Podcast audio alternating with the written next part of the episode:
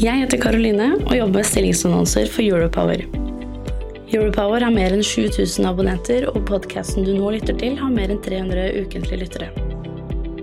Hvis du er på jakt etter ny jobb, se stilling.europower.no. Ta også gjerne kontakt med meg dersom du ønsker å annonsere ledige IT-stillinger i fornybar energibransje.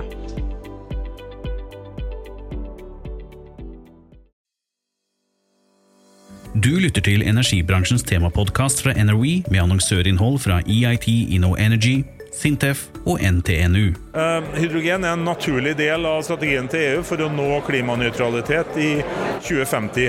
Og hydrogen kan bidra kanskje for så mye som 15-20% av reduksjonene i utslipp frem til 2050. Og det er også en del av en industriell strategi. Nils Røkke er styreleder i The European Energy Research Alliance og direktør for bærekraft i Sintef. Det prates mye om The Green Deal. Hva er det? Uh, Green Deal vil bety veldig mye for uh, oss, også Norge, i, i fremtida. Uh, I og med at man setter opp politikk og virkemiddel for å nå overordna mål, som er å bli klimanøytral i 2050. Og ha med hele Europa på den dugnaden mot å bli verdens første klimanøytrale kontinent. Nylig var de aller fremste innen industri, forskning og innovasjon samlet på et seminar for å dele erfaringer og diskutere verdikjeden for hydrogen. Jeg heter Skjul Kristian Aamodt, og jeg er energiambassadør i Energy, energibransjens digitalkanal, og jeg deltok på dette seminaret. De seneste årene så har kostnadene for sol- og vindel sunket dramatisk. Og Det betyder at nå er sol- og vindel billigere per energienhet enn en råolje, og ofte billigere enn en, åtminstone flytende naturgas. Och det betyder at man kan begynne å anvende fornybar el for å ersätta olje og gass og til og med for å produsere vätgas som i sin tur ersätter olje og gass. Thomas Kåberger er professor på Chalmers University of Technology. Han er Industrial Growth Executive for EIT InnoEnergy, og han deltok som foredragsholder på seminaret. Hvorfor er fremgangen til vindkraft eh, hvorfor blir det sett på som et, en fordel for hydrogen? Ja, medan solel kan lagres fra dag til natt i batterier på et økonomisk eh, fordelaktig sett, så krever vindkraft at man kan lagre større energimengder. Och då har vätgas fördelen att själva energilagret är relativt billigt jämfört med batterier. Och det som kostar för eh, vätgassystem det är elektrolysörerna och där betalar man per effektenhet. Och, och där kan eh, eh, vätgassystem eller hydrogensystem konkurrera väldigt väl med batterier när det är större, lagring, större mängder energi man ska lagra. Kan du förklara forskjellen på grønn og blå hydrogen? Grön hydrogen eller grön vätgas det får man från förnybar energi, ofta förnybar el. Medan det som kallas blå är ofta då att man tänker sig att bruka eh, naturgas eller något fossilt bränsle, producera vätgas och sen fånga inn koldioxiden og lagre den. Så Seg Power er et teknologi- og, og, utstyrsleverandør som spinner ut fra IFE, et av Norges mest anerkjente forskningsinstitutter. Katrine Ryengen er administrerende direktør i Seg Power, som da altså satser på blå hydrogen. Teknologien har vært utviklet gjennom 20 år, um, og vi befinner oss nå i en kommersialiseringsfase der vi tar teknologien opp i industriell skala, uh, hvor vårt første prosjekt er på CCB Kolsnes på, på Vestlandet, hvor vi skal etablere storskala produksjon av ren hydrogen fra gass med eh, CO2-fangst og -lagring. Eh, hvor stort er potensialet for, eh, for, det å bygge norsk industri når, når det gjelder hydrogenverdikjeden? Vi mener at det potensialet er stort og veldig interessant for kommersielle da, selskaper som, som SEG og CCB. Og vi ønsker å ta en stor andel av det markedet. Vil det være et marked for både blå og grønn hydrogen frem mot 2030?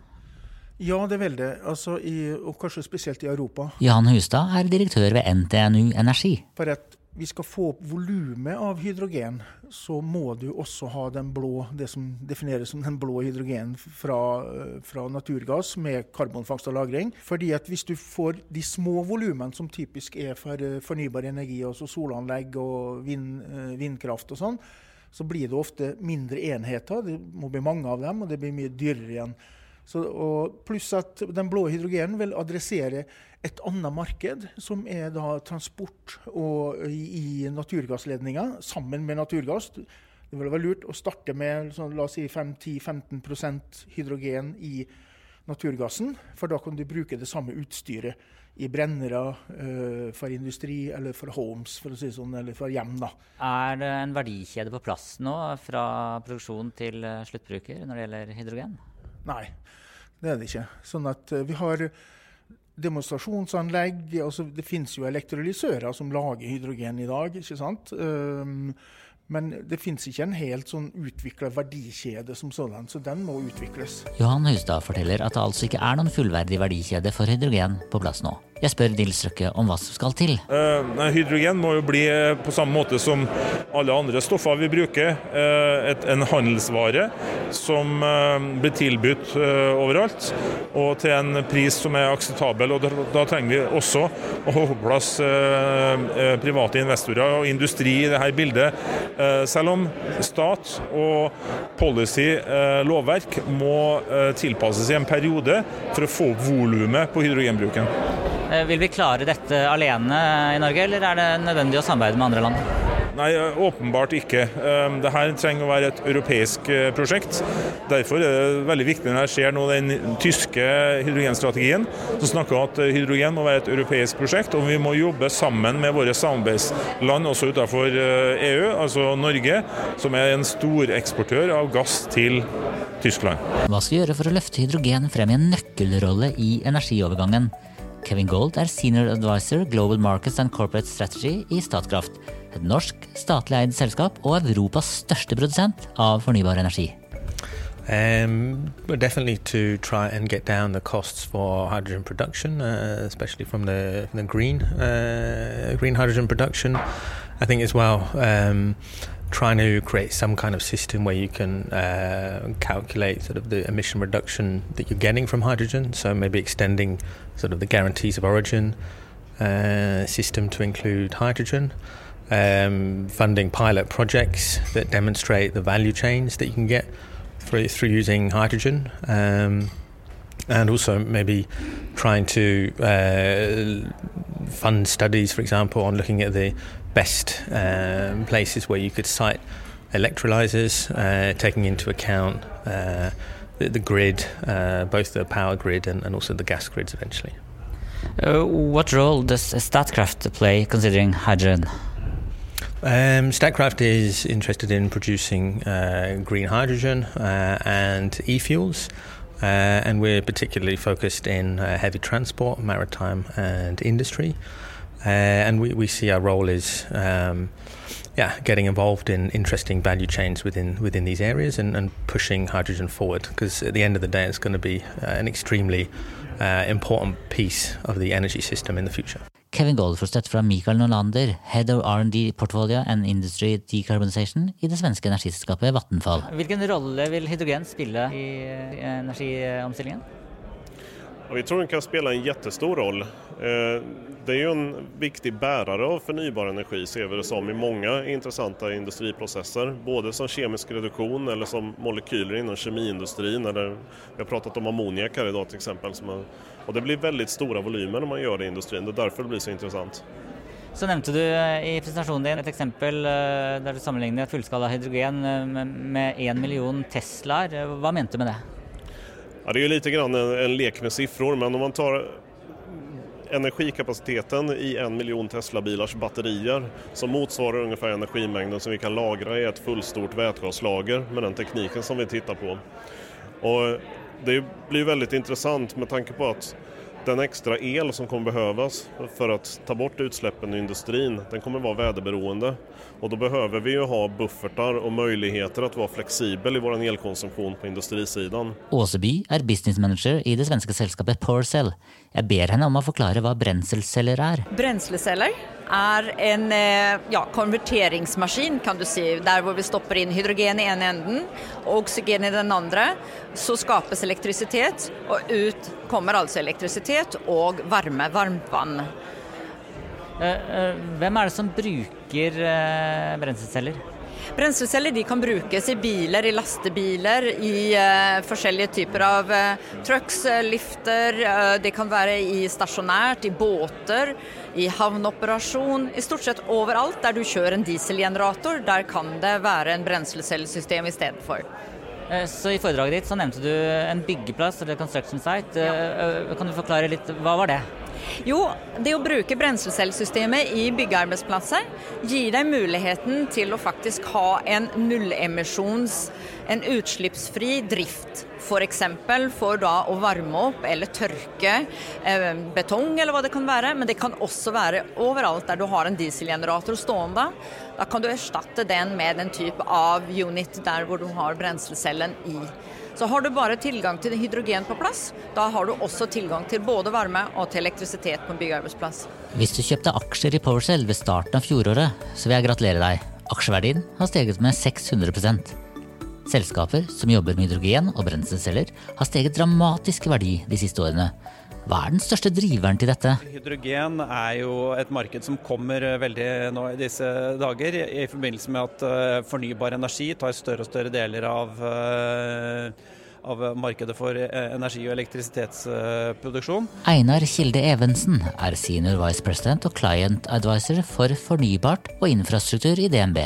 Da trenges lagringsmedium Eh, som hydrogen, batterier og andre løsninger. Investorer eh, håper på at de skal klare å treffe de, eh, de som blir vinnere i dette markedet, men det, det, er ikke lett. Så her vil det bli noen, noen gode vinnere, og så vil det bli en god del tapere. Hvis du sammenligner transport energisektoren og industrisektoren. Hvor, du, hvor vil du se det største gjennombruddet når det gjelder hydrogen først? Vi har jo allerede en god del eh, applikasjoner av hydrogen i, eh, i industri og kjemiske eh, bedrifter. Men utenom det så tror jeg nok at basert på at hydrogens største fordel er en høy energi til vekt ratio, så har ehm, store lastebiler og, busser ehm, mest potensial, tror jeg. Altså personbiler er, er, nok litt lenger unna. I år vil de første hydrogenlastebilene i storskala rulle ut på veiene i Europa, USA og Asia. Når vil hydrogenlastebilene få et sammenlignbart kostnadsnivå som diesellastebilene? Ja, dette er jo veldig spennende å følge. og Jeg er nysgjerrig på hva slags, mm, hva slags betalingsplaner disse produsentene vil eh, komme opp med. Eh, dette er jo nytt, eh, en ny løsning som ikke bare trenger Du trenger jo ikke bare en, en lastebil, men du trenger også et, et fyllenettverk. Eh, så mm, de som kjøper lastebilene er jo interessert i både lastebilen og mulighet for å fylle hydrogen eh, rundt omkring. Så mm, aktører som Nicola og andre vil eh, muligens tilby eh, da en fast pris per kjørt kilometer, inkludert hydrogen og, og vedlikehold. Ehm, så ja, om de tjener penger på dette her og, og, hvordan dette settes opp, det blir veldig spennende å se. Det er ikke ja, Juryen er fortsatt ute på lønnsomhet her. Eh, og Hvordan er interessen fra investorer eh, når det gjelder sol og vind sammenlignet med hydrogen? Sol og vind er jo åpenbart mye mer etablert bransje, uh, hvor selskapene tjener uh, Har visse marginer, i hvert fall. Og det er ikke forventet um, enorme endringer i, margin framover. Det er en viss vekst og, forventning om fortsatte kostnadsreduksjoner, men, men, der kan du i stor grad forutse hva som skjer. I hydrogen så er det veldig få selskaper som tjener penger i, i dag. Men investorer håper jo på at uh, det selskapet de velger, det skal tjene penger, da. Så vi får se. I dag er Norge en stor eksportør av olje og gass, og vi spiller en viktig rolle som en forutsigbar tilbyder på det globale energimarkedet. Men en gang i fremtiden så vil etterspørselen etter olje og gass avta.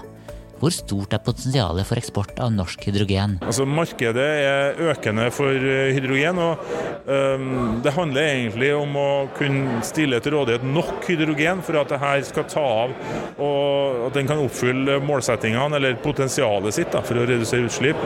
Og være en del av uh, en industriell strategi. Eh, hvordan kan vi bruke kunnskapen vi har for å skyte fart nå? Nei, altså Vi må presse på. altså denne Konferansen er en, del av det. Eh, og Vi må snakke frem hydrogen. Eh, for jeg tror ofte at det er undervurdert i Europa, også i Norge, hvor kraftfull hydrogensamfunnet kan være i forhold til både industriutvikling og eh, klimagassreduksjoner og andre typer utslipp. og redusere det. Så tilbake til Thomas Kåberger i EIT InnoEnergy. Hvilke fordeler har Europa når det gjelder hydrogen på det globale markedet? Speciellt norra Europa har jo en høy andel ikke-fossil elproduksjon.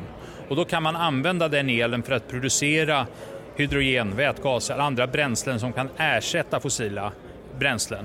Om man har elproduktion som baseras på fossila bränslen så är det en dålig idé att sen använda den elen för att producera bränslen. För de bränslena kommer alltid bli dyrare än de fossila bränslen som man samtidigt brukar använder för att eh, producera elen. De fleste av deltakerne på hydrogenseminaret delte en felles bekymring. Men de delte også en felles ambisjon om å akselerere overgangen til en mer bærekraftig verden ved å redusere utslippene av klimagasser. Jeg heter Sjul Kristian Aamodt, jeg er energiambassadør i NRV, energibransjens digitale kanal, og jeg mener at deler av svaret ligger i å bygge sterke verdikjeder for hydrogen. La oss starte med å bygge europeisk og norsk konkurransekraft innenfor hydrogen. Du har lyttet til energibransjens temapodkast fra NRV med annonsørinnhold fra EIT Inno Energy, Sintef og NTNU.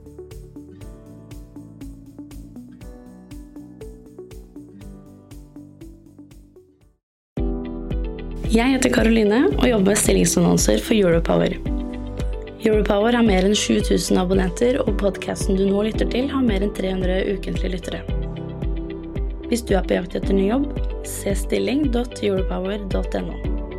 Ta også gjerne kontakt med meg dersom du ønsker å annonsere ledige IT-stillinger i fornybar energibransje.